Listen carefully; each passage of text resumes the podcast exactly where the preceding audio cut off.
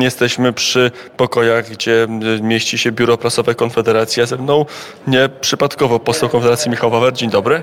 Dzień dobry, dzień dobry Państwu. No i duży, ważny dzień, nie wiem, duży, ale ważny dzień dla Konfederacji. Głosowanie jest dwóch waszych polityków. Najpierw zacznijmy od Grzegorza Brauna, który ma stracić immunitet. Jak wy zagłosujecie w tej sprawie? E, w sprawie posła Brauna będziemy oczywiście głosować przeciwko uchyleniu immunitetu i w tej decyzji utwierdziły nas dokumenty złożone przez prokuraturę, gdzie no okazało się, że prokuratura tak naprawdę żadnego mocnego zarzutu wobec posła Brauna nie była w stanie postawić. Wyciągnęła tylko cały szereg dawnych archiwalnych spraw, a w odniesieniu do e, afery gaśnicowej e, no to nie potrafili wskazać nic poważniejszego niż ten bardzo arbitralny tak, zarzut znieważenia uczuć religijnych oraz lekkiego lekkiego rozstroju zdrowia psychicznego u lekarki, która wdała się w szarpaninę z posłem Braunem. Nie ma żadnych zarzutów dotyczących naruszenia zdrowia fizycznego, nie ma nic, co by rzeczywiście można było traktować poważnie, proporcjonalnie do tej burzy medialnej, która została rozpętana.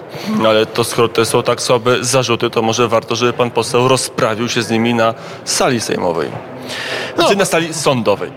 E, pan poseł na pewno będzie się z nimi dziś rozprawiał na sali sejmowej, czy na sali sądowej, no to już będzie decyzja, e, decyzja Wysokiej Izby.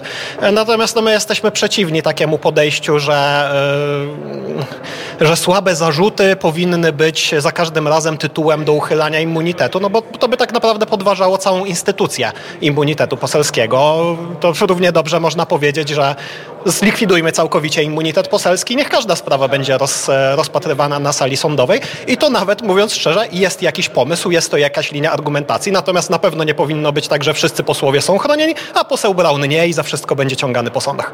Panie pośle, było takie stanowisko Grzegorza Schetyny, kiedyś bardzo ważnego, teraz ważnego e, e, polityka Platformy Obywatelskiej, który mówił, no tutaj papierkiem lakmusowym będzie decyzja Konfederacji, co właśnie z immunitetem. Jak będą bronić immunitetu, to my odbierzemy e, im wicemarszałka, czyli zagłosujemy za wnioskiem Lewicy o, zmianę, o zmianach w prezydium Sejmu. My od początku mówimy, że nie damy się w tej ani w żadnej innej sprawie szantażować. Nie będziemy szli na żadne ustępstwa polityczne, nie będziemy szli na żadne ustępstwa ideowe w e, sprawie wicemarszałka, bo po prostu gdybyśmy raz pokazali, że można nas szantażować, to później bylibyśmy szantażowani co posiedzenie jakąś kolejną sprawą, bo zawsze będzie coś, czego będzie któraś partia koalicji rządzącej chciała, żeby Konfederacja zrobiła albo nie zrobiła. Co, co większość postanowi, to będzie zrealizowane, niezależnie od tego, co się wydarzy, my będziemy po prostu kontynuować swoją pracę na rzecz Polski najlepiej jak potrafimy. Panie pośle, ale były rozmowy wczoraj. E, widziałem, jak pan poseł, jak pan marszałek, ciągle jeszcze wicemarszałek Krzysztof Bosak był chociażby w klubie parlamentarnym Prawa i Sprawiedliwości, więc wczoraj jakieś rozmowy się toczyły jednak. Oczywiście, że rozmowy toczymy i rozmowy toczymy w wielu sprawach, e, natomiast nie wiążą, nie, to nie są negocjacje polityczne, tak? To nie jest tak, że my tu coś komuś obiecujemy. E, my tylko po prostu staramy się uświadamiać i tłumaczyć, e, jak bardzo liche są te zarzuty, które są stawiane posłowi Braunowi, jak bardzo liche są zarzuty, które w związku z tym są stawiane wicemarszałkowi Bosakowi i jak bardzo to działa na szkodę i poszczególnych partii i polskiego parlamentaryzmu, żeby próbować wokół tej drobnej w gruncie rzeczy sprawy robić tak wiele wielką aferę i tak dalekie konsekwencje wyciągać. Też te dwie sprawy niezwiązane bezpośrednio z dzisiejszym dniem w Sejmie. Najpierw granica zakończył się, albo lepiej został zawieszony, ale na długi termin, trzymiesięczny protest przewoźników. Organizował go no, działacz waszego, e, waszej partii, działacz ruchu narodowego, e, pan Meckler. E, dlaczego? Co się zmieniło? Czy co zagwarantował, co dał rząd Tuska, że przewoźnicy uznali, że trzeba zawiesić na tak długi okres protest?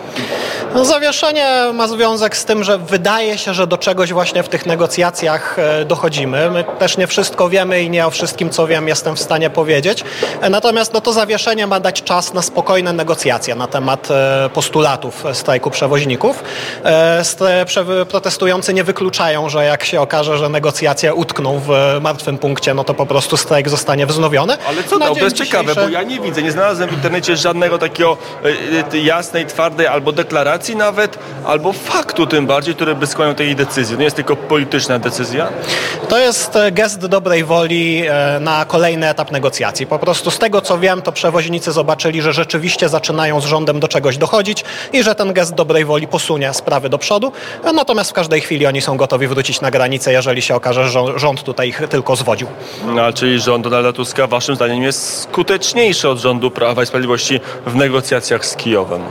Na razie nie, na razie nic nie zrobił, nic nie osiągnął, e, tylko jest większy stopień tej dobrej woli, tak? Z tego mówię, z tego co słyszę z, z kręgu strajku przewoźników, ale w ciągu najbliższych kilku tygodni dopiero zobaczymy, czy rzeczywiście coś za tym stoi, czy, czy to jest tylko taka gra.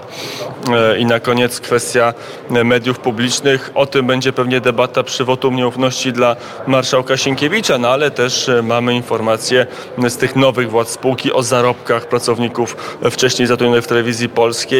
E, To coś zmienia w waszej ocenie? Czy powiecie, te zarobki były tak wysokie i tak skandaliczne i tak zła była poprzednia telewizja publiczna, że jednak trzeba zostawić ministra Sienkiewicza na stanowisku ministra kultury? nie, wiem, nie wiem, co miałoby nas przekonać do e, postawienia tezy tak ostrej, żeby aż zostawić ministra Sienkiewicza na stanowisku ministra kultury. E, nie, no tutaj wokół TVP ujawniają się wszystkie najbrzydsze rzeczy i po jednej i po drugiej stronie sporu. E, nasze stanowisko jest takie, że TVP trzeba głęboko zreformować, trzeba je całkowicie odpolitycznić. To jest po prostu instytucja, która jest na wskroś zgniła i tak samo było za Platformy, tak samo było za PiSu. Były tam marnowane miliardy złotych publicznych pieniędzy. Tam trzeba po prostu coś rzeczywiście systemowo z tym zrobić, wyjąć TVP z puli łupów partyjnych przejmowanych po, po uzyskaniu władzy, no bo inaczej to będzie tylko po prostu dalej gniło i w tej chwili to obserwujemy. A teraz jak to wygląda? Bo wydawało się pierwsze dni nowej telewizji, kiedy tam weszła ta liberalno-lewicowa ekipa, no jakoś was chwalili się, czy nie było nas, teraz jesteśmy. Taki był komunikat Konfederacji, to dalej można podtrzymać, dalej uważacie, że ta telewizja jest lepsza niż ta, która była za rządów Prawa i Sprawiedliwości? Nie, nie wiem, kto chwalił, ja na pewno nie. Wielu posłów mówiło, że nie było nas, a teraz jesteśmy zapraszani. Mówiąc szczerze, w tej chwili to z tymi zaproszeniami to wcale nie ma jakiegoś tutaj e, wielkiej poprawy sytuacji, natomiast to może wynikać też z tego, że ta telewizja w tej chwili ogólnie działa bardzo prowizorycznie, bardzo słabo. Także żeby taką rzeczywiście e, kompleksową ocenę, jak się odnosi TVP do Konfederacji postawić, no to myślę, że musi upłynąć jeszcze kilka miesięcy, ale to jest w zasadzie zupełnie wtórna sprawa wobec tego, jak, e, jak szkodliwe w ogóle istnienie TVP w formie tego łupu partyjnego jest w ogóle dla całej e, polskiej polityki. Czyli konkludujemy. Głosowania będą takie. Sienkiewicz, Konfederacja za odwołaniem, e, Braun za utrzymaniem immunitetu, no i Krzysztof Bosak za zachowaniem e, stanowiska wicemarszałka. Taki jest plan. E, dość prosty. Ostatnie pytanie, budżet. Bo tutaj mam różne, różne przesłuchy z waszego klubu. Część osób mówi, że się wstrzyma nad tym budżetem, część, że będzie przeciwko. Budżet z, najwy, z najwyższym w historii Rzeczpospolitej deficytem. E, ja nie, nie mamy w tej sprawie dyscypliny, więc możliwe, że któryś, któryś z posłów e, rzeczywiście dostrzega jakieś zalety tego budżetu, ale stanowisko klubu jako takie jest jasne. To jest fatalny budżet z ogromnym deficytem. Budżet, który replikuje wszystkie wady e, fatalnych pisowskich budżetów i dokłada jeszcze szereg kolejnych. Także rekomendacja klubu jest to zdecydowanie głosować przeciwko temu budżetowi. I o tym mówił Michał Wawer, poseł Konfederacji. Panie pośle, dziękuję bardzo. Dziękuję bardzo.